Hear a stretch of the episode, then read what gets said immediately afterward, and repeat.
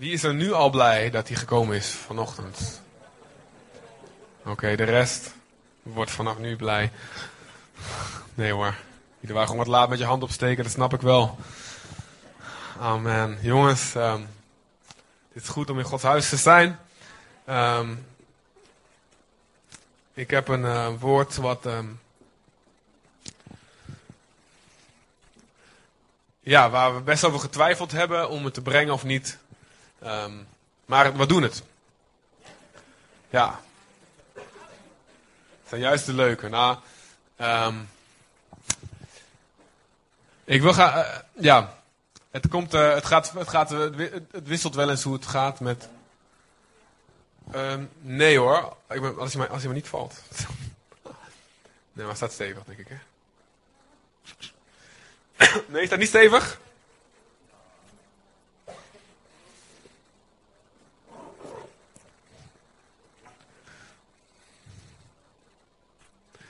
Weet je wat, ik heb hier een geweldige tafel.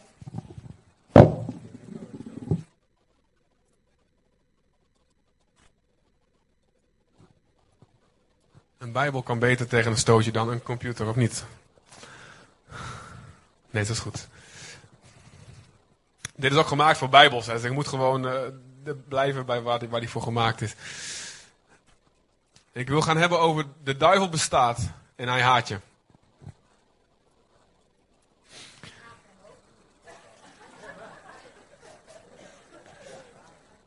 En dat zal niet het einde van de boodschap zijn. Van nou, veel plezier ermee. Maar ik werd echt ervan doordrongen van de week. Want dit is um, een perspectief wat we moeten hebben. Waar we aan herinnerd moeten, moeten worden, moeten blijven. um, voor, voor, uh, voor, die tijd, ik, ik, wil even kort wat zeggen. Um, woensdag is er, uh, gaan we de straat op. Dat gaan we eigenlijk uh, regelmatig. Um, Jin, moet je net, net nu weglopen? Jin? Oh, je had water voor mij. Oké, dan zeg ik. ah, nou, jammer dat, dat ik. Ja, nou krijgt hij geen beloning in de hemel, want dan heeft hij het gezegd. En. Um, nee hoor, hij krijgt van. Hier geef hem dubbel. Um, we gaan, uh, we gaan uh, elke twee weken eigenlijk al een tijdje uh, gaan we de straat op met onze gemeente, onze zustergemeente, de christengemeente Doetinchem. Zijn die Doetinchemmers vandaag? Hey. Um, gaan we op woensdagmiddag de straat op de ene keer in Zutphen, de andere keer in Doetinchem. En deze week zijn we weer in Zutphen. Um, wil je meegaan? meld je bij die, die ja, Jin die dus zo weer terugkomt met glaasjes water. meld je bij hem aan. Hij coördineert dat een beetje. Het is, samen met de Bijbelschool die op de Battled is. Um, de Foundation for Life, dat we dat doen. En uh, dat, is, uh, zijn, is een opdracht voor studenten. Daar kunnen ze punten mee verdienen, studiepunten mee verdienen. En wij kunnen de hemelse punten mee verdienen. Uh, dus woensdagmiddagen de straat op. Iedereen die, um, die denkt, ik kan, ga ervoor. Meld je bij, bij Jin. Mooi, hij komt hier langslopen als illustratie. En ook uh, zeer aan te bevelen um, uh, zijn de bidstonden. Ik, ik, ja, ik moet gewoon regelmatig, blijf ik het zeggen. Um, op donderdagavond ze zijn erg goed.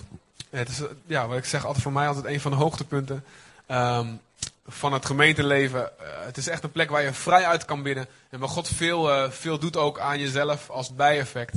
Het hoofddoel is om te bidden voor de stad, voor de gemeente, voor opwekking, dat we de kracht van God zien doorbreken. Um, en het is, ik kan je zeggen, het is gepassioneerd gebed. Het is, ja, ik, heb veel, ik, maak, veel bidstonden meegemaakt in mijn geestelijke leven, maar dit, zijn, ja, dit behoren toch wel tot de toppers deze avonden. Um, of er nou weinig zijn of veel zijn, dat maakt eigenlijk niet zoveel uit. Maar dit is, um, dit is goed. Dus ook als je zegt van ik wil leren, ik wil groeien ook in gebed en in voorbeden, is het gewoon een erg goede plek om te zijn. Donderdagavond in, uh, aan de IJsselkade.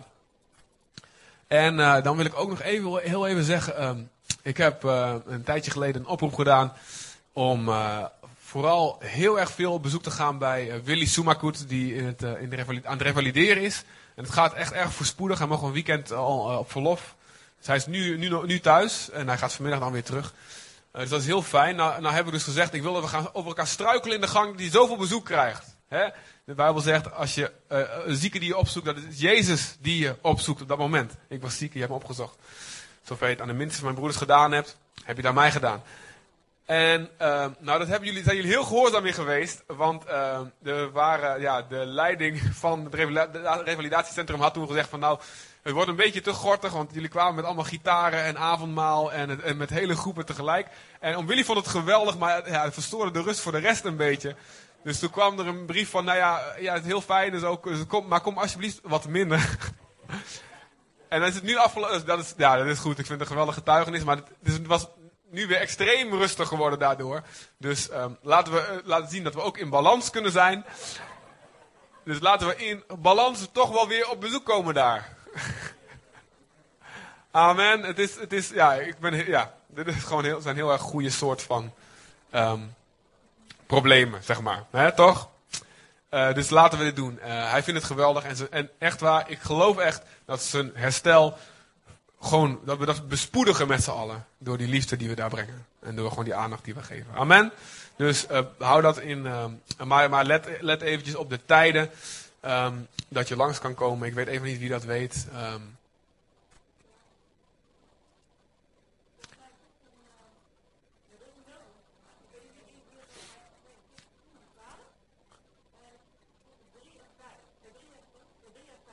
en s'avonds? Okay, 10 en 12, 3 en 5 en 6 tot 9. Amen. Heel goed, perfect. Oké. Vader, ik dank u voor uw woord. Ik dank u voor uw vrijmakende woord. En waar we zoveel al opgebouwd hebben in ons leven. En als, zijn we net, ja, als we net begonnen zijn, Heer, en eigenlijk onbewust is er zoveel ook al gebouwd op ons leven. Op het woord, Heer op uw uitspraken. U, u zegt dingen en we kunnen ze vertrouwen. En in Jezus' naam ook wat u zegt in uw woord vandaag, wij vertrouwen erop. Wij bouwen erop, we passen ons leven aan in Jezus' naam. Vader, laat uw licht overwinnen in de levens van iedereen die hier zit. Iedereen die ook dit hoort um, via internet. Iedereen die, iedereen die de aantekeningen hiervan leest. In Jezus' naam, laat uw vrijheid komen, Vader God. Laat uw licht komen, laat uw waarheid komen. Heer, we houden van u. Amen. Amen. Oké. Okay.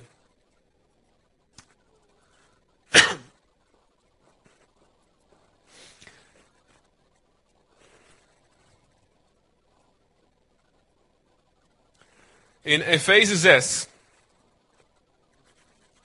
daar staat een verhaal over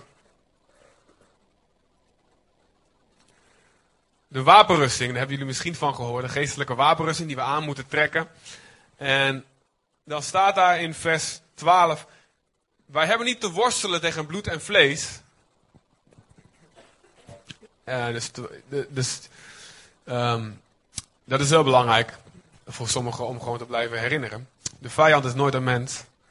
En um, de vijand is nooit um, een zondig mens. Zelfs niet iemand die door de duivel gebruikt wordt. Zelfs niet iemand die uh, volledig gekozen heeft om vijand te zijn van God. Wij, wij worstelen niet tegen bloed en vlees. En nou, sommigen uh, vatten deze tekst op, die zetten de punt zo, dat ze zeggen, wij hebben niet te worstelen. Punt. Dat staat er niet.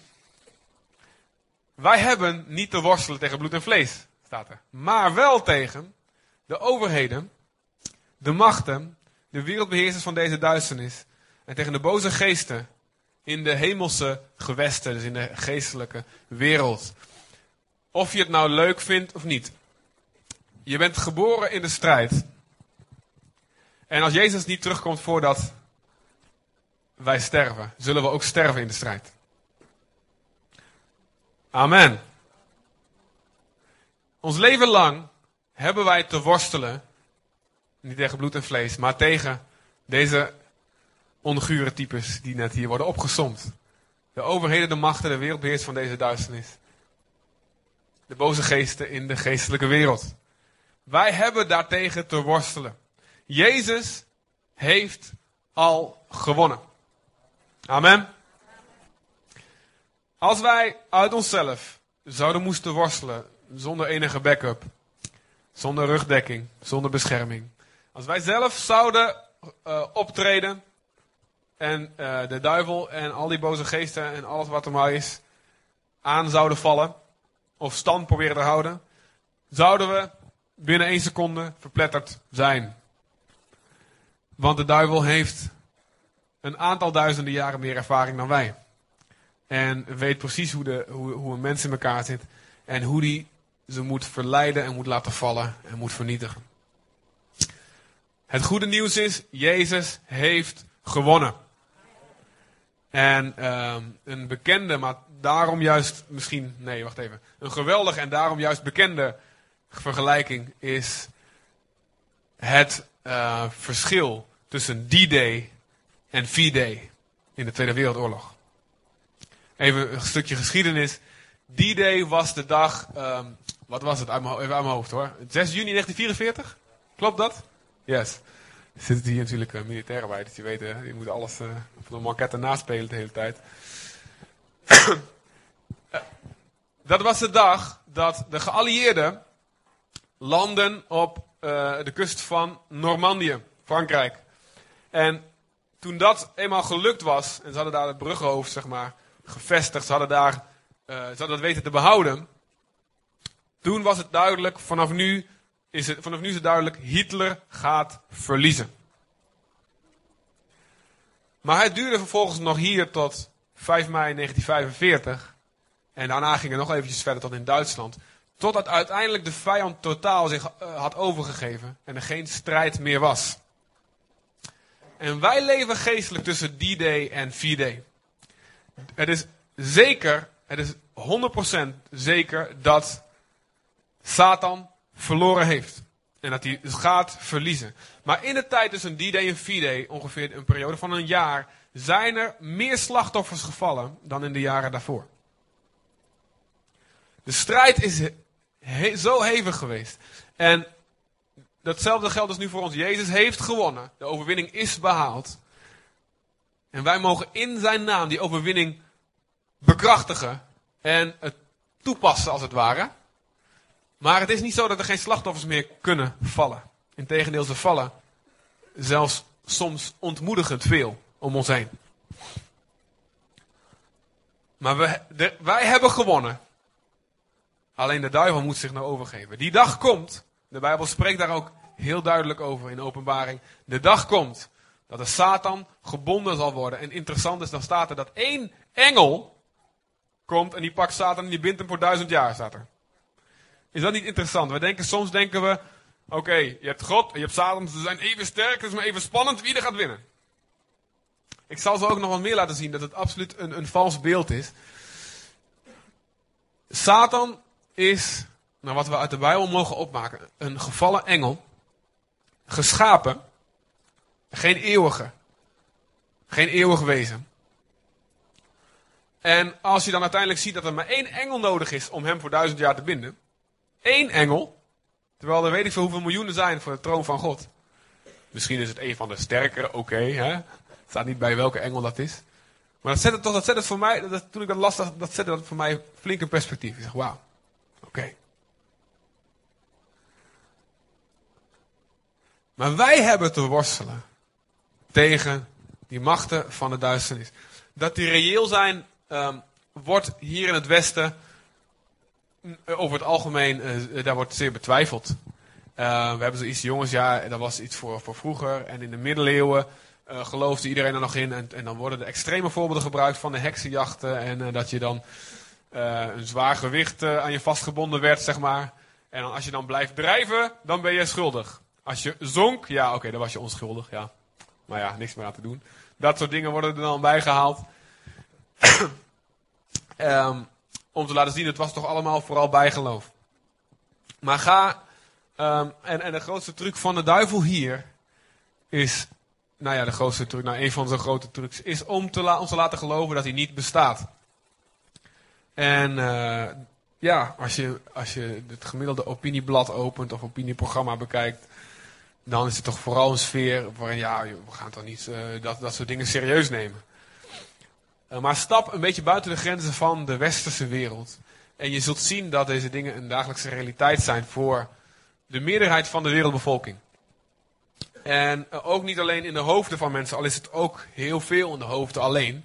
En er is ook heel veel werkelijk bijgeloof bij. Maar er is ook eh, de werkelijke macht van Satan, die, daar hoef je voor hun, ja, daar hoef je ze niet om te overtuigen. Omdat daar werkelijk, uh, ja, shamanen en tovenaars en medicijnmannen en toverdokters zijn die van het ene eiland naar het andere eiland uh, reizen zonder dat ze een boot gebruiken. Snap je?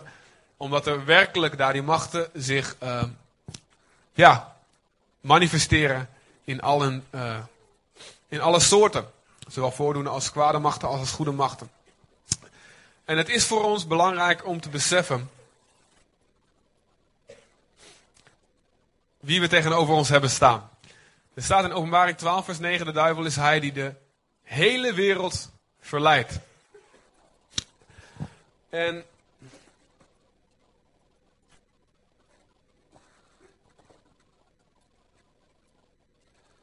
Ik wil met jullie um, uh, gewoon heel even kort wat teksten, wat lezen. En dat is eerst is Genesis 3. Het bekendste, ja, waarschijnlijk het bekendste stuk in de wereld over Satan. Een stuk waar, waar ontzettend veel over, uh, ontzettend veel uit te halen is.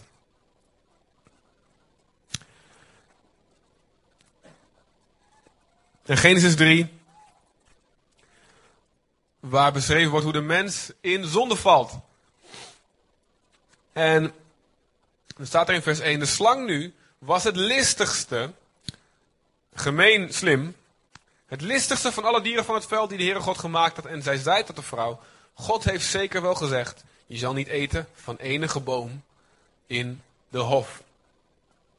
En hier komt de aard van Satan al naar boven. Hij is een leugenaar van het begin, hij is de vader van de leugen. En de gemeenste leugens zijn die dingen die niet e- extreem tegenover de waarheid staan, maar die net een beetje ernaast zijn. Die lijken op de waarheid. Anders zou het veel moeilijker zijn om te geloven. Uh, God had niet gezegd van enige boom mag je niet eten. God had alleen gezegd niet eten van de boom van kennis en goed en kwaad.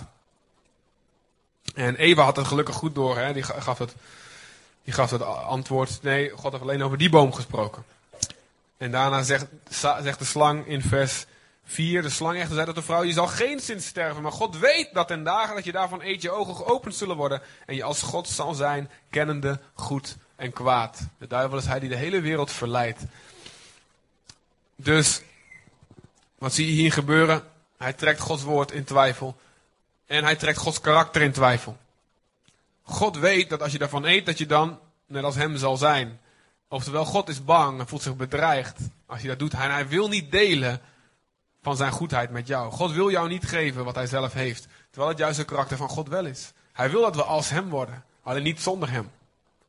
God wil dat we als Jezus gaan worden. We zijn bedoeld om gelijkvormig aan Jezus te worden. Om zijn beeld uit te dragen. Maar niet zonder hem. En de duivel biedt het, biedt het nu aan. Word maar als God, maar zonder God. En de mens in al zijn technologische vooruitgang, die, die kan steeds meer op, voor God gaan spelen, maar zonder God. met al zijn genetische manipulaties en wie weet ik wat, wat er allemaal nog meer gaat komen. Maar als het zonder God is, dan zijn we bezig te eten van de boom van kennis en goed en kwaad. De duivel is een leugenaar, de vader van een, van een leugen vanaf het begin. En hij is nog steeds geïnteresseerd om elke dag onze gedachten net zo een andere kantje op te sturen. Zodat we misschien goede doelen gaan najagen, maar zonder God. Maar op een manier zoals God, eh, waar God van gesproken heeft. Dit is niet de manier. Vertrouwen op onszelf in plaats van op wat hij zegt. De duivel zijn nog steeds in geïnteresseerd. En je ziet dat Eva staat, de, de vrouw zag dat de boom goed was om van te eten. Dat hij een lust was voor de ogen dat de boom begeerlijk was om daardoor verstandig te worden. Is heel interessant trouwens. Um, voor degenen die het leuk vinden om thuis wat meer uit te zoeken. Lees ook eens 1 Johannes 2 vers 16. Daar worden drie dingen opgenoemd. Die precies matchen met wat hier staat. Uh, er staat het, wat, in de wereld is de begeerte van het vlees. De begeerte van de ogen en een hoogwaardig leven. Een trots leven. Een onafhankelijk leven. Precies wat hier ook staat. Met deze drie dingen. Goed om van te eten. Een lust voor de ogen. Begeerlijk om daardoor verstandig te worden. En de vrouw gelooft de leugen meer dan dat ze God gelooft. Dit is precies wat zonde is. We geloven de belofte van de zonde. We geloven de belofte van Satan. Boven dat we de belofte van God geloven. We geloven, ik heb dit nodig, ik kan hier niet zonder en ik moet op deze manier moet ik het halen. Terwijl God zegt, je kan zonder. Of je kan juist op deze manier het wel doen en wij zeggen, nee, ik moet, dat, dat, dat kan niet.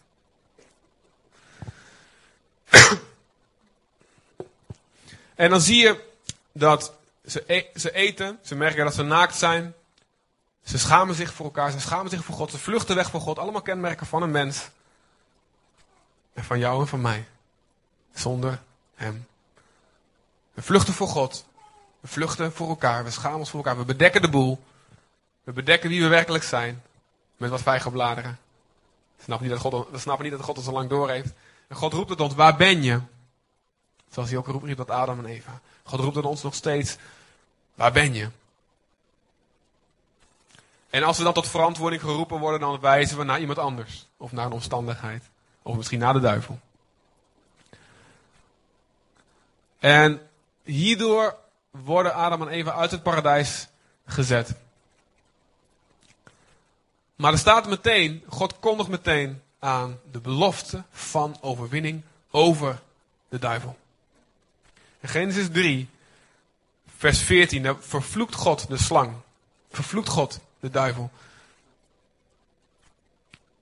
Omdat je dit gedaan hebt, ben je vervloekt onder al het vee, onder alle dieren van het veld. Op, op je buik zal je gaan en stof zal je eten zolang je leeft. En ik zal vijandschap zetten tussen jou en de vrouw, tussen uw zaad en haar zaad. Dit zal u de kop vermorzelen en jij zal het de hiel vermorzelen. Dit is, is heel apart. God zegt, stof zal je eten. Ik heb uh, ongeveer een jaar geleden drie preken achter elkaar gegeven, ook, uh, ook gegeven over uh, de tactieken van de duivel zijn ons niet onbekend.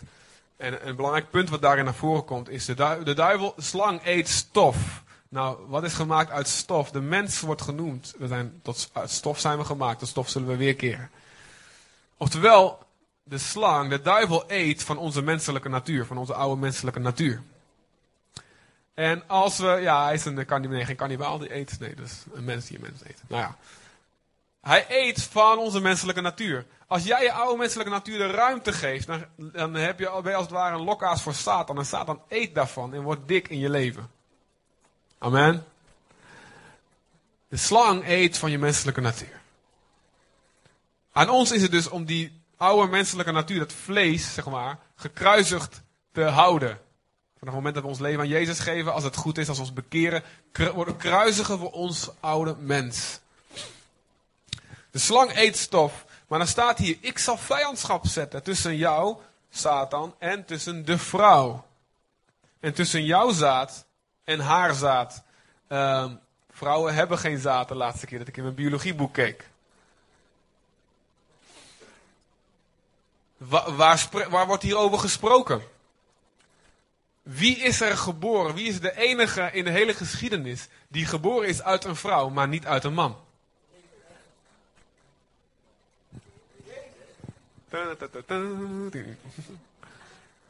Jezus is de enige die genoemd kan worden het zaad van de vrouw. Toch? En Jozef had heel netjes gewacht tot het huwelijk. En dus dacht, dit kan niet van mij zijn. En besloot in stilte van haar te scheiden. En toen kwam de engel en zei, nee, dit is het werk van de Heilige Geest. Het zaad van de vrouw. En wat zal het zaad van de vrouw, wat, gaat, wat zou Jezus gaan doen? Zegt God in Genesis. Duizenden jaren voor de vervulling. Wat is God al vanaf het begin van plan? Het zaad van de vrouw zal jouw slang de kop, wat staat er? Vermorzelen.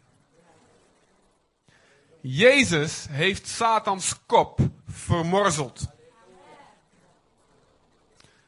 Jij zal het de hiel vermorzelen staan.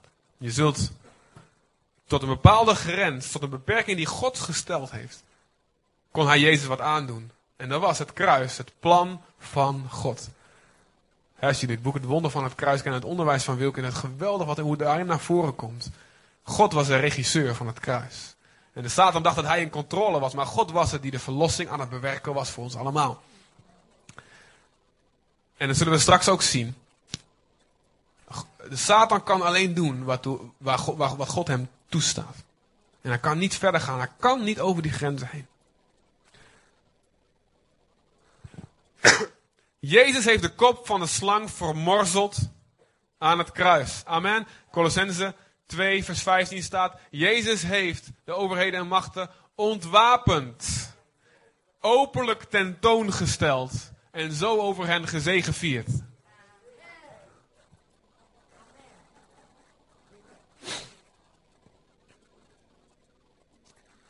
En, en kijk met mij naar Job.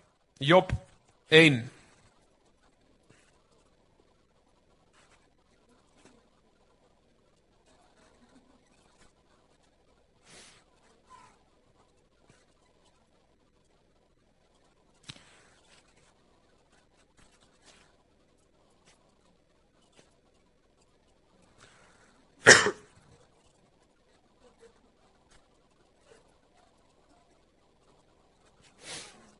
In Job 1, vers 6 is wat Job beschreven in het boek, hoe geweldig goed hij leefde.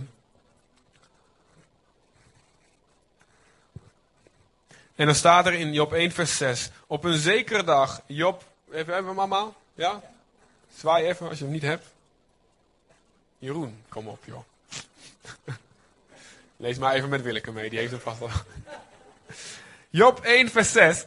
Op zekere dag kwamen de zonen van God om zich voor de Heer te stellen. En onder hem kwam ook de Satan. En Satan is het Hebreeuwse woord voor tegenstander trouwens. En de Heer zei tot Satan, van waar kom je? En de Satan antwoordde de Heer van een zwerftocht over de aarde die ik doorkruist heb. En toen zei de Heer tot de Satan, heb je ook acht geslagen op mijn knecht Job? Want niemand op aarde is als hij zo vroom en oprecht, Godvrezend en wijkende van het kwaad. En de Satan antwoordde de Heer, is het om niet dat Job God vreest? heeft, u zelf, heeft u zelf niet hem en zijn huis en al wat hij bezit aan alle kanten beschut? Het werk van zijn handen heeft u gezegend en zijn bezit is zeer toegenomen in het land. Maar strek daarentegen uw hand uit en tast alles aan wat hij bezit. Of u u dan niet openlijk zal vaarwel zeggen. Zo, ik geef je op een briefje, als je de bescherming, als je hem niet zo zegent, is het zo gebeurd met die toewijding van Job. En de Heer zei tot Satan, zie al wat hij bezit, zij in uw macht. Alleen tegen hemzelf zal je je hand niet uitstrekken. Nou, en dit gebeurt, Satan komt nog een keer terug. En dan worden de grenzen nog iets opgerekt. Maar je ziet het heel duidelijk. Satan kan alleen doen, kan alleen werken binnen de grenzen die God stelt.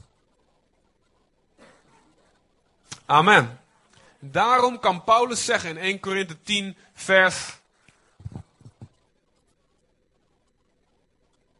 13.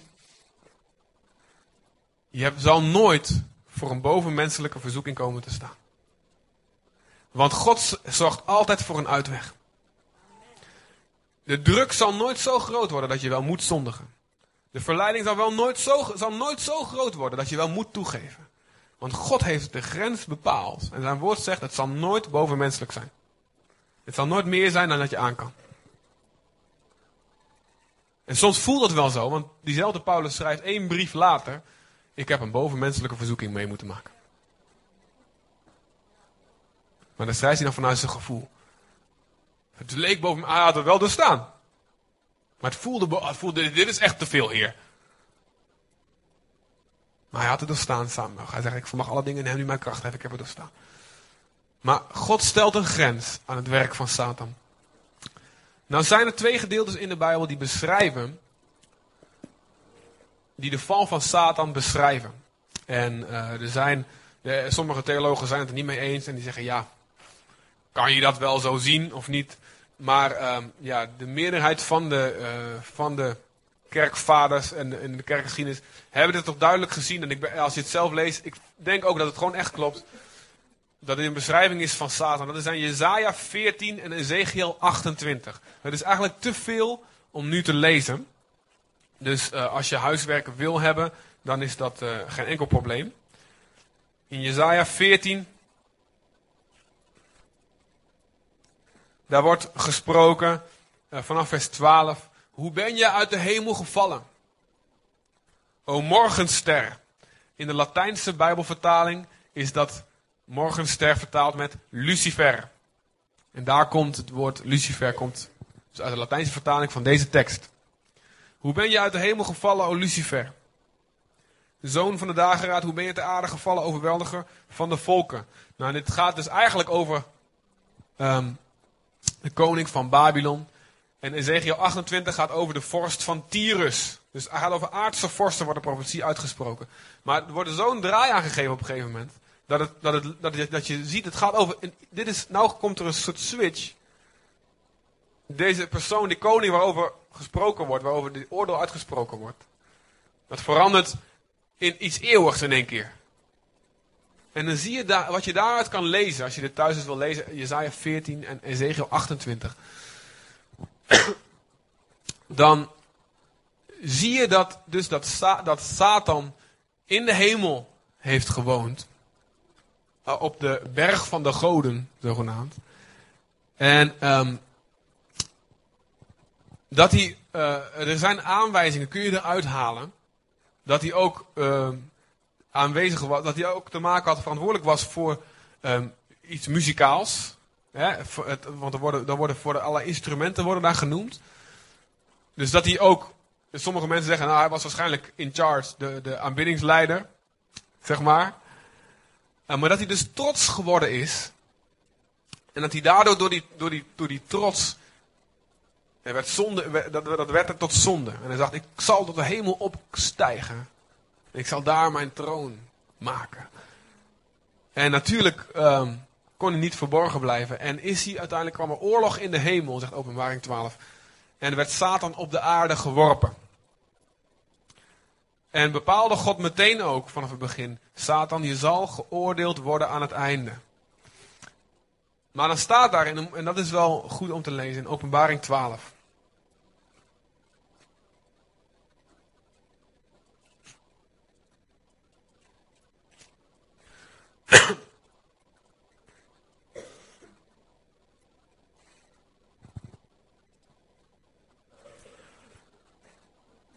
In openbaring 12, vers 7. Openbaring, laatste Bijbelboek. Hoofdstuk 12. En er kwam oorlog in de hemel. Michael en zijn engelen hadden oorlog te voeren tegen de draak. En ook de draak en zijn engelen voerden oorlog, maar hij kon geen stand houden. Amen. En zijn plaats werd in de, hun plaats werd in de hemel niet meer gevonden. En een grote draak werd op de aarde geworpen. De oude slang, die genaamd wordt de duivel en de Satan, die de hele wereld verleidt. En trouwens, het woord duivel in het Griekse diabolos betekent aanklager, lasteraar. Is het niet interessant dat als je een lasteraar bent, dat je, dan de aard hebt van de duivel? De diabolos en de duivel en de Satan, die de hele wereld verleidt. En hij werd op de aarde geworpen en zijn engelen met hem. En ik hoorde een luide stem in de hemel zeggen: Nu is verschenen het heil, de verlossing en de kracht en het koningschap van onze God en de macht van zijn gezalfde, zijn Messias, Jezus. Want de aanklager van onze broeders, die hen dag en nacht aanklaagde voor onze God, is neergeworpen. Wat doet duivel? Dag en nacht aanklagen. Als je thuis ook wil lezen, huiswerk, Zacharia 3, dan zie je dat een beeld voor je. Dat de duivel ook daar iemand aan het aanklagen is en zijn kleren helemaal smerig en alles. De duivel probeert je voortdurend aan te klagen in je gedachten. Ook al heb je je zonde al beleden, maar je bent nog steeds schuldig. Je bent nog steeds schuldig. Je bent nog steeds dit. Oh, je bent nog steeds niet goed genoeg. Je moet nog steeds dit. En dan staat er, zegt, in Zachariah 3 zegt God. En nou is het afgelopen. De Heer bestraft jou. Ik heb hem uit het vuur gerukt. Hij is vergeven. Hij is schoongewassen. Jezus bloed heeft alles weggenomen. De aanklager van de broeders. Satan klaagt je aan in je gedachten. Maar het bewijsstuk Jouw zonden zijn weggenomen aan het kruis. Die halleluja mag best harder. Amen. Zo is dat. En ze hebben hem, vers 11, ze hebben hem overwonnen door het bloed van het lam, door het woord van hun getuigenis. En ze hebben hun leven niet lief gehad tot in de dood. Hoe, wil je, hoe moet je overwinnen? Bloed van het lam. Woord van je getuigenis. Uitspreken van je geloof. En door je leven niet lief te hebben tot in de dood. Je leven moet je niet lief hebben. Zo overwin je Satan. Daarom verheug je jullie hemelen en wie daarin wonen. Waar zijn wij ingezetenen van, zegt de Bijbel? Wij zijn geen hamburgers, maar we zijn.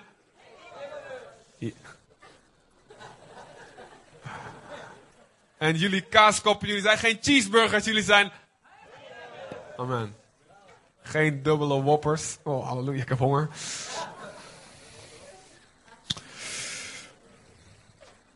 Jezus kon van stenen kon hij brood maken.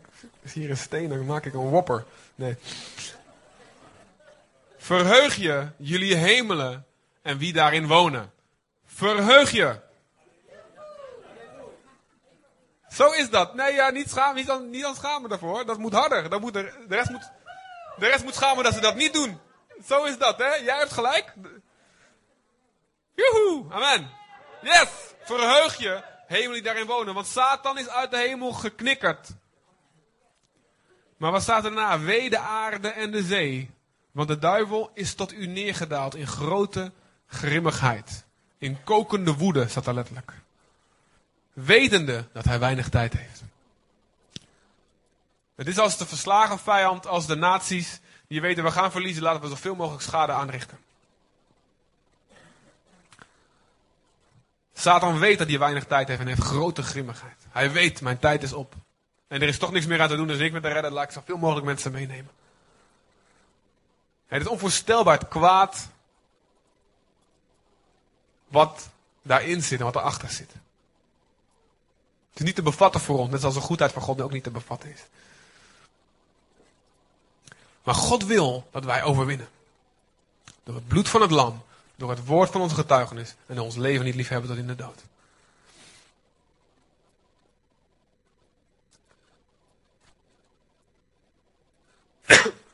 Er staat in 1 Johannes 5 vers 19. Je hoeft niet alles op te zoeken hoor. Ik weet dat het veel geblader is, het mag wel. Maar ik wil gewoon echt iets neerzetten vanuit dat woord. 1 Johannes 5 vers 19. Dus als je in openbaring nog was, een paar bladzijden terug. Dan ben je al bij 1 Johannes. Dan kom je bij Judas 3 Johannes, 2 Johannes, 1 Johannes. En dan het laatste hoofdstuk is hoofdstuk 5. Hoofdstuk 5. En dan in vers 19. Dan staat er, wij weten 5 vers 19. Wij weten dat we uit God zijn. En wij weten dat de gehele wereld in het boze ligt. Dus dat, dus dat de hele wereld onder het kwaad ligt. Dit is een hele scherpe uitspraak. Een hele belangrijke uitspraak om te beseffen. Ergens anders staat ook in Efeze in, Efeze 2 vers 2 staat, staat heel duidelijk dat iedereen die ongehoorzaam is aan het evangelie van Jezus, die, die handelt overeenkomstig de overste van de wereld. En wij mensen, doordat we gevallen zijn in zonde, doordat we de leugen van Satan geloofd hebben in het paradijs, en wij dat regelmatige basis als we zonder de Heer leven, voor de leugen van Satan meer geloven en zondigen, hebben wij de autoriteit die God ons gegeven heeft, heers over de aarde. Hebben wij uit handen gegeven aan Satan. Ik vind het geweldig hoe, hoe Carla Veldhuis in het drama, ja ik heb een paar van die stukjes ook meegedaan, wat dan hierover ging. dat, dat je zag je de werkelijke autoriteit, God geeft, maakt de aarde en dan, en dan, en dan krijg je iets wat symboliseert aan de autoriteit. En, maar zodra we de, de, de leugen geloven, krijgt Satan krijgt de macht, krijgt de mantel. Waarom is er zoveel kwaad en ellende op de wereld? Vragen mensen. Als God zo'n goede God is. Een deel van het antwoord, een belangrijk deel van het antwoord is. De overste van de wereld op dit moment is de duivel. Het is de genade van God dat het niet erger is dan dat het is. Het is de genade van God dat er beperking gesteld wordt aan wat Satan mag doen. Maar wij zelf hebben door onze zonde, geven wij autoriteit aan Satan. Hetzelfde principe, hij eet, van, hij eet stof. Hij eet van onze menselijke natuur. Hetzelfde. Dus de hele wereld ligt in het boze, hoe lief en vredig alles er ook bij staat soms. Er zijn landen in de wereld waar het verschrikkelijk is. En waar, waar, als het ware, ja. Als je spreekt over hoe verschrikkelijk de hel is, dan hebben, zeggen mensen van, joh, waar heb je het over? Dat, dat, is, dat is mijn dagelijkse realiteit. De armoede en de oorlog en het onrecht wat er wereldwijd, wat er wereldwijd heerst, is, is ongekend. Het is niet te bevatten. En we zitten hier in een redelijk veilige, een bijna een soort enclave eigenlijk. Maar wereldwijd kun je zien, en door de geschiedenis heen kun je zien, wat er gebeurt. Als Satan de ruimte krijgt. Het is de genade van God. Paulus zegt ook, bid voor de overheid, bid voor gezagsdragers, bid voor je land, bid voor alle mensen, zodat we een stil en rustig leven mogen leven. Bid. Het is niet vanzelfsprekend dat er vrede is, dat er rust is. Het is niet vanzelfsprekend. Vraag het aan God. God wil dat geven, God wil het geven. Gods koninkrijk is een koninkrijk van vrede en van liefde. Maar de hele wereld ligt in het kwaad, staat er. En daarom doet Paulus een hele bijzondere scherpe uitspraak. Bijvoorbeeld in 2 Korinthe 6, dan zegt hij, je, mag, je moet niet trouwen met ongelovigen. Want weet je wat er dan gebeurt? Dan is alsof een huwelijk gesloten wordt tussen Christus en Belial. Dat is een ander woord voor de duivel. Oh, maar het is toch gewoon zo, het is een maar dat is toch best wel lief. Ja, God heeft ze allemaal verschrikkelijk lief. Maar iedereen die zich niet onderworpen heeft aan de heerschappij van Jezus, heeft zich automatisch onderworpen aan de heerschappij van Satan. Doordat, want omdat ze een slaaf zijn, omdat wij ook slaven zijn geweest, want Paulus zegt, we zijn het allemaal geweest. We zijn allemaal slaven geweest van de zonde. Iemand die zich niet onderworpen heeft aan Jezus en hem niet tot de Heer gemaakt heeft, leeft nog steeds onder heerschappij van Satan. En het is, het is verschrikkelijk om te beseffen. Maar wat er meteen bij komt, is God wil ons gebruiken. Om mensen over te brengen van het koninkrijk van duisternis naar het koninkrijk van het licht hey, ik ben geboren in een heel fijn Pinkstergezin. En toch, ik heb ook onder de macht van Satan geleefd. Ik heb gehoorzaamd aan de zonde. Ik heb gehoorzaamd aan wat Satan me influisterde. En ik, heb, ik, begon te veranderen naar zijn natuur. En ik ben net als jullie, als jij je leven onderworpen hebt aan Jezus vandaag. Een tak is die boom toch ergens goed voor die uit het vuur gerukt is. Ik stond in de fik door mijn zonde. Ik was onder invloed van Satan. Net zoals de rest van de wereld. En Jezus heeft me eruit. En heeft me mijn vuur geblust. En jullie allemaal. Voor jullie allemaal geldt hetzelfde. Maar de hele wereld ligt onder het kwaad. Het is echt belangrijk om dit scherp te blijven zien. En dan meteen erbij te denken, oké, onze strijd is niet tegen die mensen. Wij willen juist die mensen redden zoals Jezus kwam om mensen te redden uit de macht van de, iedereen die door de Satan overweldigd werd. Onze strijd is tegen die machten daarachter.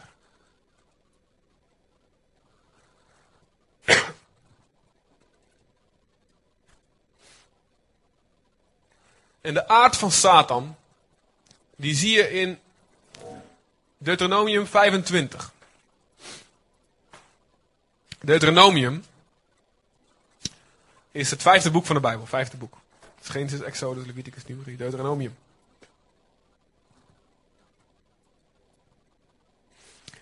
En hier herhaalt Mozes iets wat al eerder beschreven wordt in Exodus 17. Maar er staan, er details, er staan iets minder details bij. Hier, hier wordt er beschreven bij wat erachter zat. Uh, dat gaat over de Amalekieten. Amalekieten was een volk. Um, uh, en, en de Israël die trok uit Egypte, van de piramides weg, dwars door de Rode Zee. En onderweg werden ze daar in het begin al aangevallen door Amalek.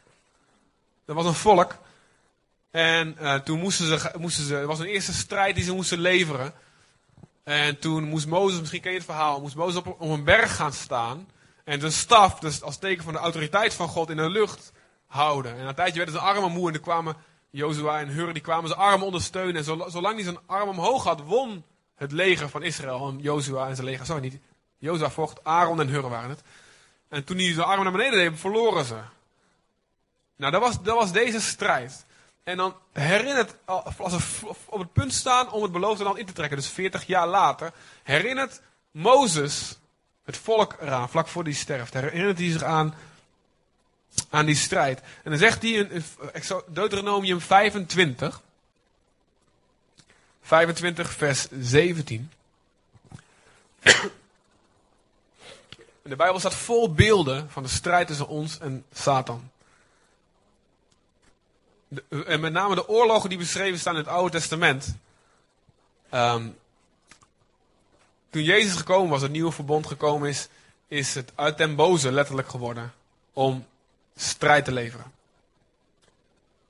En die Oude Testament, die oorlogen in het Oude Testament zijn beelden geworden van een strijd tussen het koninkrijk van licht, koninkrijk van duisternis. En er staat hier in vers 17: Gedenk wat Amalek u gedaan heeft op uw tocht. Toen jullie uit Egypte getrokken waren. Hoe hij onder, u onderweg tegenkwam. En al de zwakken in uw achterhoede afsneed. Dus je hebt het over vrouwen met kinderen, dus die wat langzamer liepen. Je hebt het over oudere mensen, die wat langzamer liepen. En die gewoon een beetje achteraan gingen. Die mensen die een beetje ziek waren. Die, ja, ga maar vast, ik kom er zo aan. Die een beetje achteraan liepen. Amalek springt uit van achter de rotsen vandaan en snijdt de zwakste van het volk de keel door. Hij isoleerde ze. Het, kan, het woord kan ook isoleren betekenen. Terwijl jullie vermoeid en uitgeput waren en hoe hij God niet vreesde. Dit is het laagste van het laagste wat je kan doen als vijand. De zwakste in de achterhoede afsnijden, mensen die niet eens bezig waren met oorlog voeren. En dit was de reden waarom ze er tegenin moesten gaan. En dit is een beeld van Satan. De zwakste, het zwakste. Het zwakste punt van je leven. De zwakste personen van een groep. Op het moment dat je vermoeid en uitgeput bent. Op het moment dat je zwak bent. Dan komt hij. Maakt hij af. Het laagste van het laagste. Wanneer wil Satan mensen vernietigen? Als ze het zwakste en het kwetsbaarste zijn.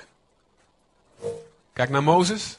Mozes, de verlosser. Satan voelde aan, hé, hey, God gaat iemand, er wordt iemand geboren die het volk gaat bevrijden. En hij, Satan geeft Farao in, maak alle baby's af, alle kinderen onder twee jaar. Bam. Kinderen onder twee jaar. Jezus werd geboren hetzelfde. Herodes laat alle kinderen afmaken. Mozes en Jezus ontsnappen allebei door de hand van God. Maar de aard van Satan is iets als het in een embryo stadium is, als het in een baby stadium is af te maken. Jouw baby geloof. Je bent net maar, net maar begonnen. Je bent net maar bezig. Je zet je eerste stapjes. Je bent nog kwetsbaar, je bent nog wankel. Het hart van Satan, wat hij het liefste heeft, is je afmaken op dat moment. En kijk eens letterlijk.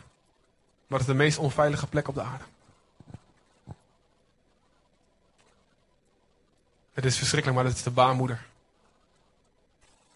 Waar de meeste mensen gedood worden.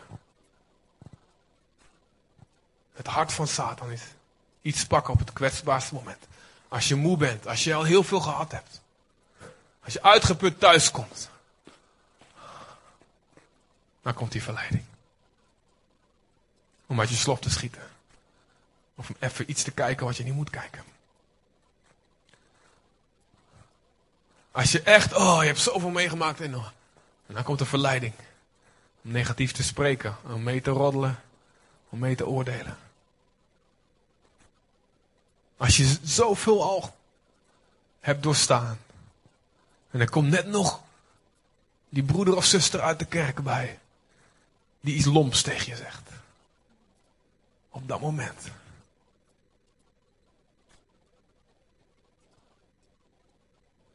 En daarom zegt God. Wis de herinnering aan Amalek onder de hemel uit. En Exodus staat, de Heer heeft een strijd tegen Amalek. Amalek van generatie op generatie. God is liefde. God komt op voor de zwakken. God is de vader van de wezen. En de rechter van de weduwe. God is de bedenker van gezond socialisme. Opkomen voor de zwakken is niet het idee van Wouter Bos of, of Den Uyl of Lenin of Marx. De gezonde vormen van het hart van God. Het evangelie.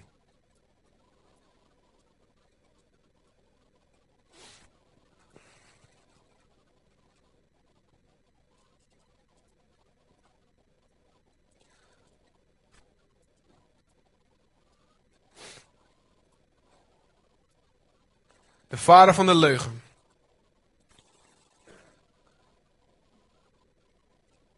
Hij voedt zich met de menselijke natuur. We geven hem ruimte als we geloven in de, belofte van de zonde. We geven hem ruimte als, ook als we niet vergeven, zegt de Bijbel. Geef de duivel geen voet. Door je conflicten uit te spreken op de dag zelf nog dat ze ontstaan. Als je dat niet doet, dan geef je hem topos, dan geef je hem gebied in je leven. Ruim je hart zo snel mogelijk op. Blijf dicht bij God.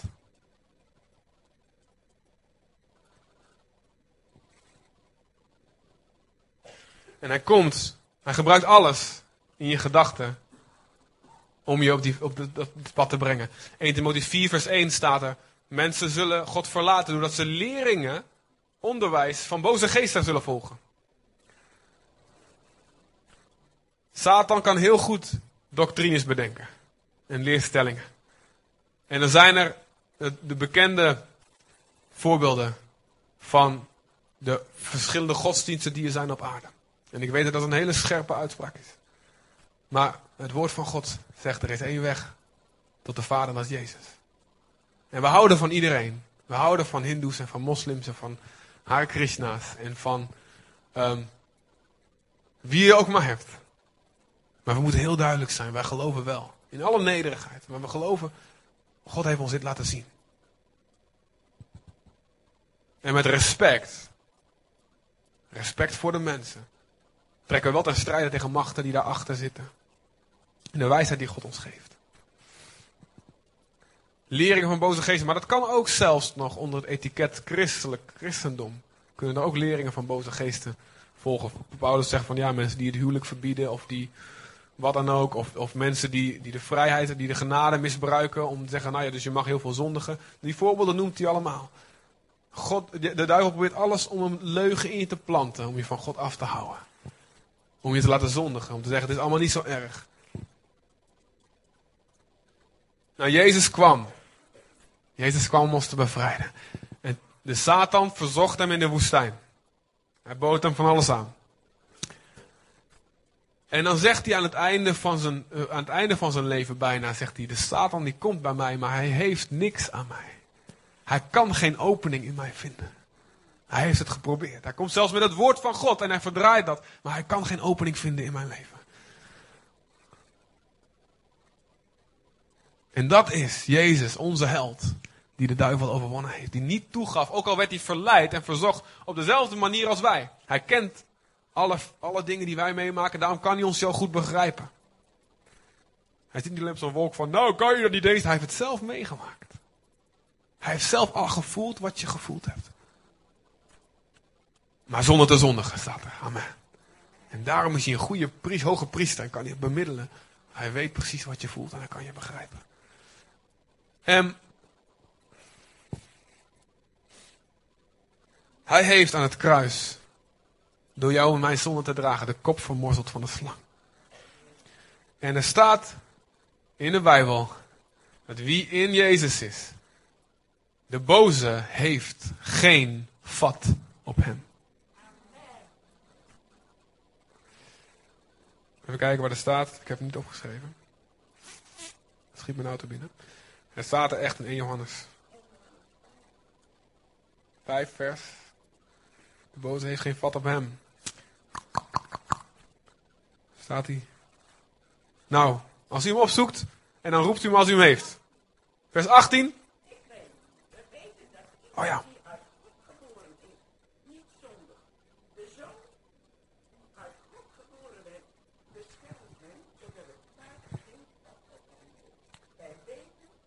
Ja, nee, dat was hem. Dat was hem. Het kwaad heeft geen vat op hem. Heel goed.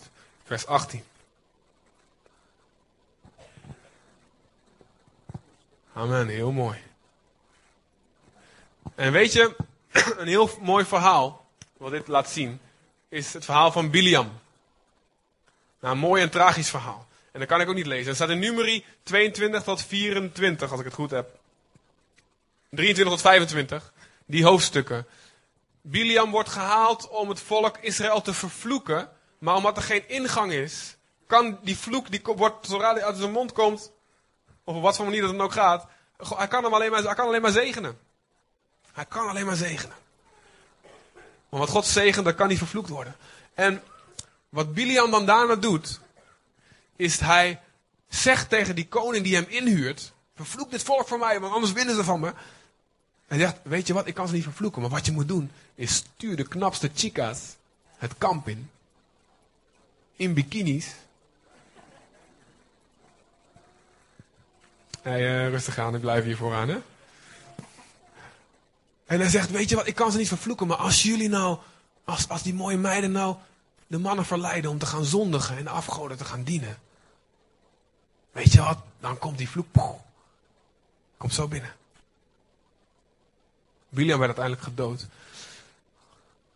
Maar het volk deed dat. Die, Israël gaf toe.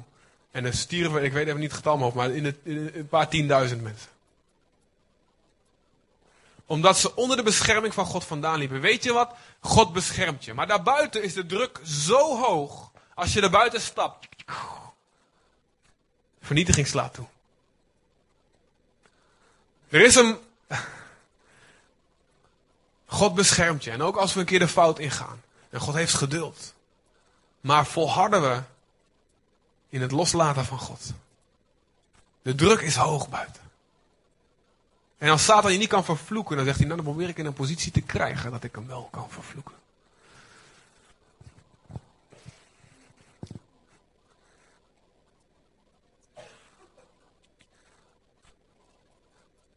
Aan ons is het. Eigenlijk, we hoeven niet heel veel te snappen. Ik heb dit nou allemaal dingen genoemd om te laten zien, dit is wie er tegenover ons staat. En daar bellen die chicas al, hè. Gin.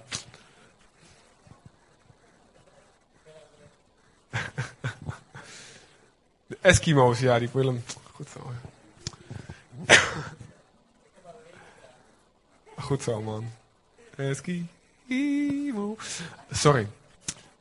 Ik zeg al deze dingen, en het is goed dat we iets van weten, maar we hoeven op zich niet heel veel kennis te hebben over de duisternis om te kunnen verslaan. Wat we moeten hebben is een hart wat in de fik staat voor Jezus en wat zegt, ik blijf kosten wat kost dicht bij Jezus. En laat Jezus die strijd maar voeren door ons heen soms, of om ons zonder dat we het weten. Waar het om gaat, is blijf dicht bij Hem. Wees gevoelig voor de Heilige Geest. Besef wie tegenover je staat. Wees niet bang voor de duisternis. Dat is heel belangrijk. Als hij je bang kan maken, dan heeft hij je te pakken. Als hij je bang kan maken, als je geïntimideerd bent, dan zul je, verlamd worden en zul je niet de stappen zetten die God wil dat je zet.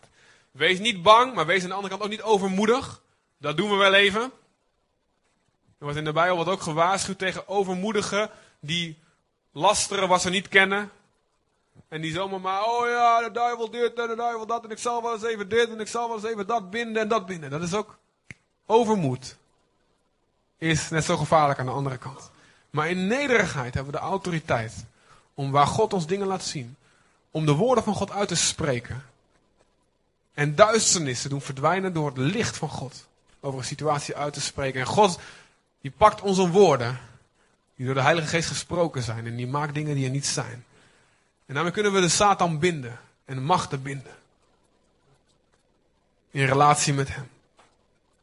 En wat belangrijk is. Het belangrijkste is dicht bij hem blijven. En geen ruimte aan hem geven. Door zonde, door seksuele zonde, door bitterheid, door welke leugen, welke belofte van de zonde maar ook maar te geloven boven de belofte van God. Door geen onafhankelijkheid in ons toe te laten, is, door geen trots toe te laten. Hetzelfde oordeel. Er staat dat als wij opgeblazen worden, als we trots zijn, dan vallen we in hetzelfde oordeel als dat de duivel krijgt. Als we denken, we kunnen het zelf wel, ik heb niemand nodig, ik heb God niet nodig.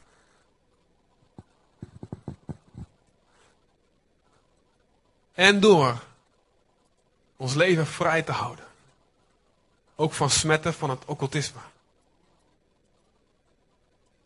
Wanneer zijn mensen, we hebben verteld over Amalek, wanneer zijn mensen kwetsbaar? Als een dierbare overleden, overleden is. Als iets verschrikkelijks gebeurd is. Wat willen die mensen? Die willen antwoorden. Die willen nog even contact. En wat zie je op tv? Het is, ik vind het, het is echt niet te bevatten dat het gewoon miljoenen mensen naar kijken op dit moment. Dat, RTL 4, uh, Char en weet ik wat die gasten. En wat doet Satan? Hij doet zich voor als een engel des lichts. Hij zegt, ik ben je opa, ik ben je dit. Het is verschrikkelijk. Mensen zijn op de kwetsbaarste, een van de kwetsbaarste momenten van hun leven en hij pakt ze.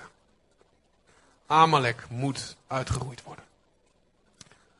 En wat gebeurt er? Mensen stellen zich open voor demonen, voor boze geesten. De Bijbel zegt heel duidelijk, zoek geen contacten met waarzeggende geesten of geesten van doden. Omdat het de duivel is die zich voordoet als een engel van het licht.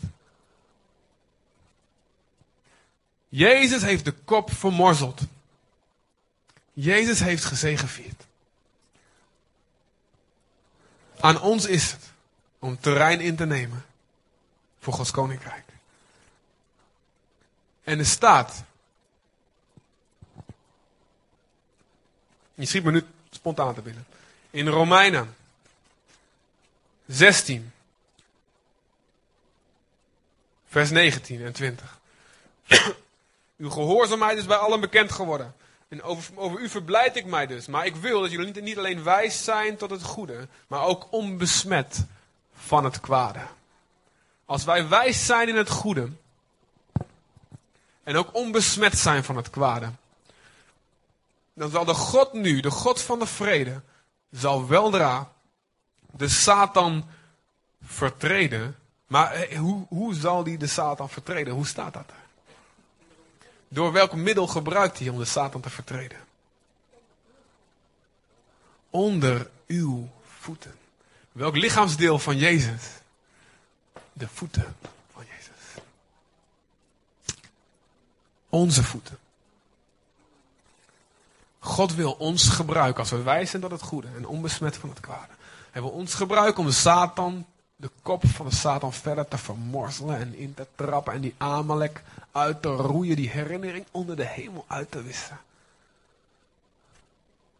Jezus zegt, ik heb je macht, ik zag een Satan als een bliksem uit de hemel vallen, ik heb je macht gegeven te treden op slangen en schorpioenen en op de hele legermacht van de vijand. En niets zal ons enig kwaad doen.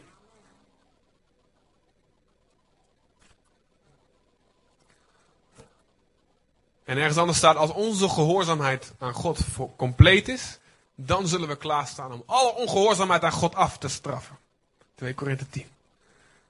Dus willen we autoriteit hebben, zoals Jezus die had, om de machten van duizend te verbreken, om die Amalekieten uit te roeien. Beginnen we met onze gehoorzaamheid. Als het compleet is, kunnen we alle ongehoorzaamheid die we om ons heen zien. Hé, hey, dat is niet in lijn met wat God wil. Hé, hey, dat is niet zoals God dat wil. Hé, hey, wat is dat? Dat wil God helemaal niet. bam, bam, bam, bam. Niet mensen, hè? let op. Hè? Niet zo door de school lopen. Maar geestelijk. Amen. Zullen we gaan staan?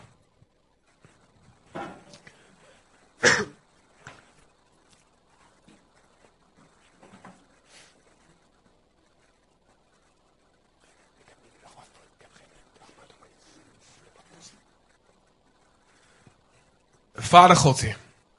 Ik wil je vragen je ogen te sluiten. Gewoon even voor jezelf.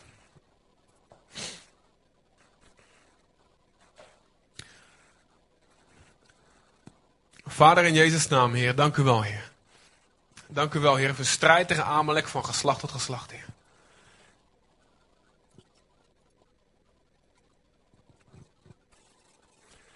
Vader, u zegt, Heer,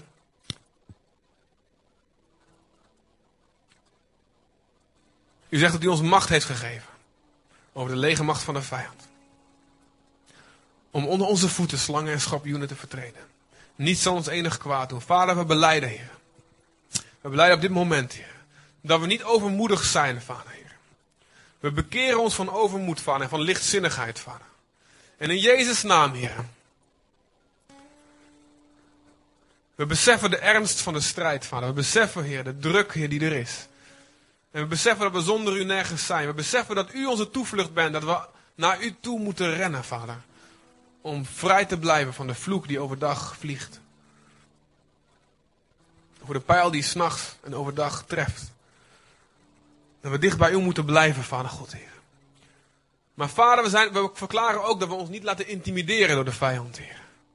We verklaren ook dat we niet bang zijn, Vader. Want in u, Heer, zijn wij meer dan overwinnaars. In Jezus' naam, Heer, verklaar ik dat het uw wil is en dat die wil zal gebeuren op dit moment in deze gemeente, in onze harten. Ik verklaar dat het uw wil is dat de Satan geen vat heeft op ons. Dat we zijn als een glibberig stuk zeep wat hij niet kan pakken in Jezus' naam. Dat is uw wil en zo zal het zijn. Ik verklaar in Jezus' naam dat er geen ingang zal zijn voor de vloek in ons leven. We verklaren in Jezus' naam, heren. Dat u wil dat we niet alleen wijs zijn tot het goede, maar ook onbesmet zijn van het kwade. En vader, heren, waar er een besmetting is en een besmetting heeft plaatsgevonden, spreek in onze hart op dit moment, vader. En waar u dat naar boven brengt, dan gaan we dat zo beleiden. En in het licht brengen. We gaan ermee breken. We gaan ons afkeren. In Jezus' naam. Vader, ik bid, Heer, als er dingen zijn die ons vasthouden, God, Heer. Dat u komt dat u spreekt in ons hart, Vader. Als er een smet is, Vader, Heer, met de duisternis, met occultisme, met waarzeggerij, wat we nog niet beleden hebben. Kom op dit moment, Heilige Geest, Heer. We danken u dat we niet, niet hoeven graven en, en alle heel een uur moeten stilzitten voordat u het zegt. Heer, dank u wel dat uw Heilige Geest gewoon nu kan spreken, vader. In Jezus' naam, Heer. Waar de bitterheid is, vader. Ook vorige week over gehad hebben, het oordeel, vader. Waar dat er is, nog is, vader. Waardoor we een oordeel over onszelf halen, vader, spreek, Heer. In Jezus' naam. En wat u gaat doen, Heer, is u gaat ons vrijmaken, vader. U gaat ons vrijmaken. Zij die nog niet vrij zijn hier, we gaan vrij worden vandaag, Heer. We gaan gereinigd worden door u, Heer. U gaat ons schoonwassen. In Jezus' naam. Elk werk van Satan, Heer. Heer, ook de voortdurende aanklacht in gedachten voor mensen die rein met u leven, die heilig leven, Vader. Maar die voortdurend aangeklaagd worden en door schuld verlamd worden. In Jezus' naam, Vader. Kom op dit moment. We verbreken deze leugen in de naam van Jezus.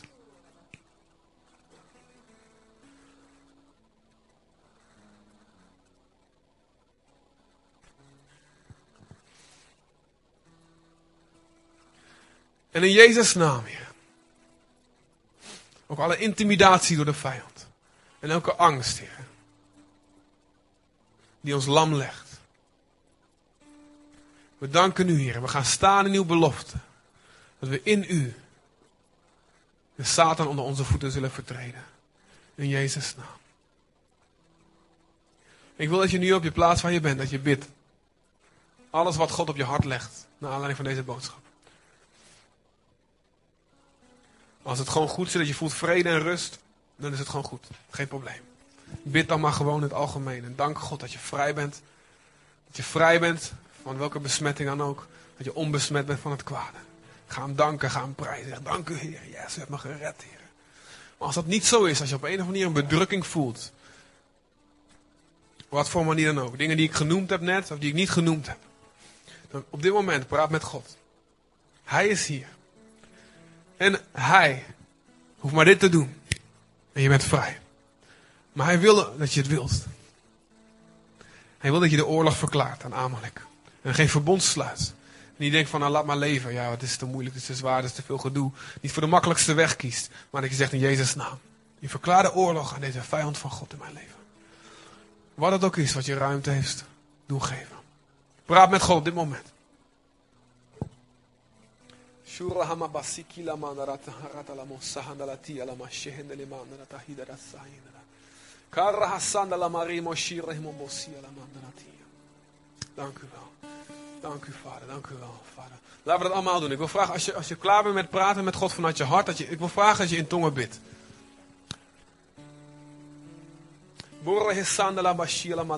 Spreek in tongen is, is spreken in geheimenissen, zegt de Bijbel. Um, uh, geen mens verstaat het, maar God verstaat het. Door zijn geest spreken we geheimenissen. En we bouwen onze geest daarmee op en we activeren het profetische. We prijzen u, God. U bent goed, Heer. We danken u voor vrijheid, Vader. We danken u voor waarheid, Vader.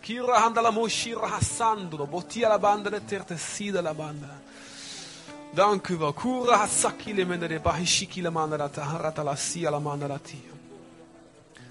Ik wil vragen of uh, alle bidders hier komen, weer, weer komen staan. Kom maar gewoon hier vooraan staan.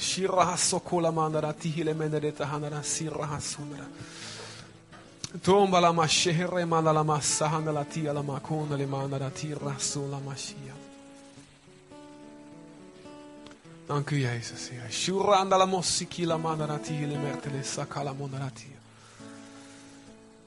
Dank u Heer.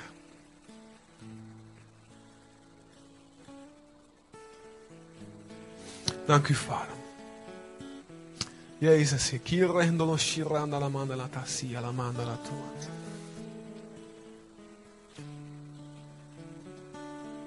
Wat ik geloof wat God wil doen is ons in alle rust vrijmaken van alles wat ons bedrukt. En in Jezus' naam verklaar ik dat er hier rust zal zijn ook in onze gezinnen. Ik dank u dat we in uw bescherming zijn, Vader, Heer. Ook in Jezus' naam, Heer. Laat geen duisternis meer kunnen blijven staan, Heer, voor uw aangezicht, Vader.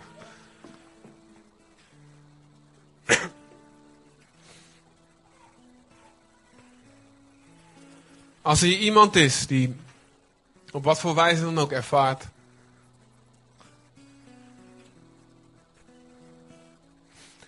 te veel ruimte te hebben gegeven aan Amalek, aan Satan, aan de aanklager, aan de tegenstander in zijn of haar leven. Dan kun je zo naar voren komen. En dan wordt er, wordt er, kort met je gebeden. Ik geloof dat God in, in grote blijdschap hier dingen wil gaan doen. Het kan zijn, gewoon iets, het kan zijn dat je bang bent. Dat je denkt van ik ben, gewoon, ik ben eigenlijk geïntimideerd door de tegenstander. Maar het kan ook zijn dat je dingen moet beleiden. Zonder van occultisme, zonder van onreinheid, waarvan je weet dit is meer dan gewoon.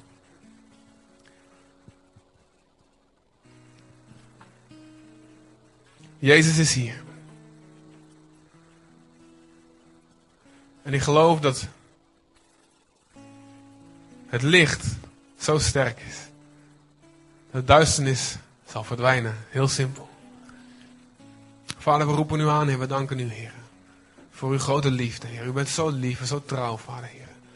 We danken u, Heer, dat u, u, u bent zo genadig, Vader, Heer.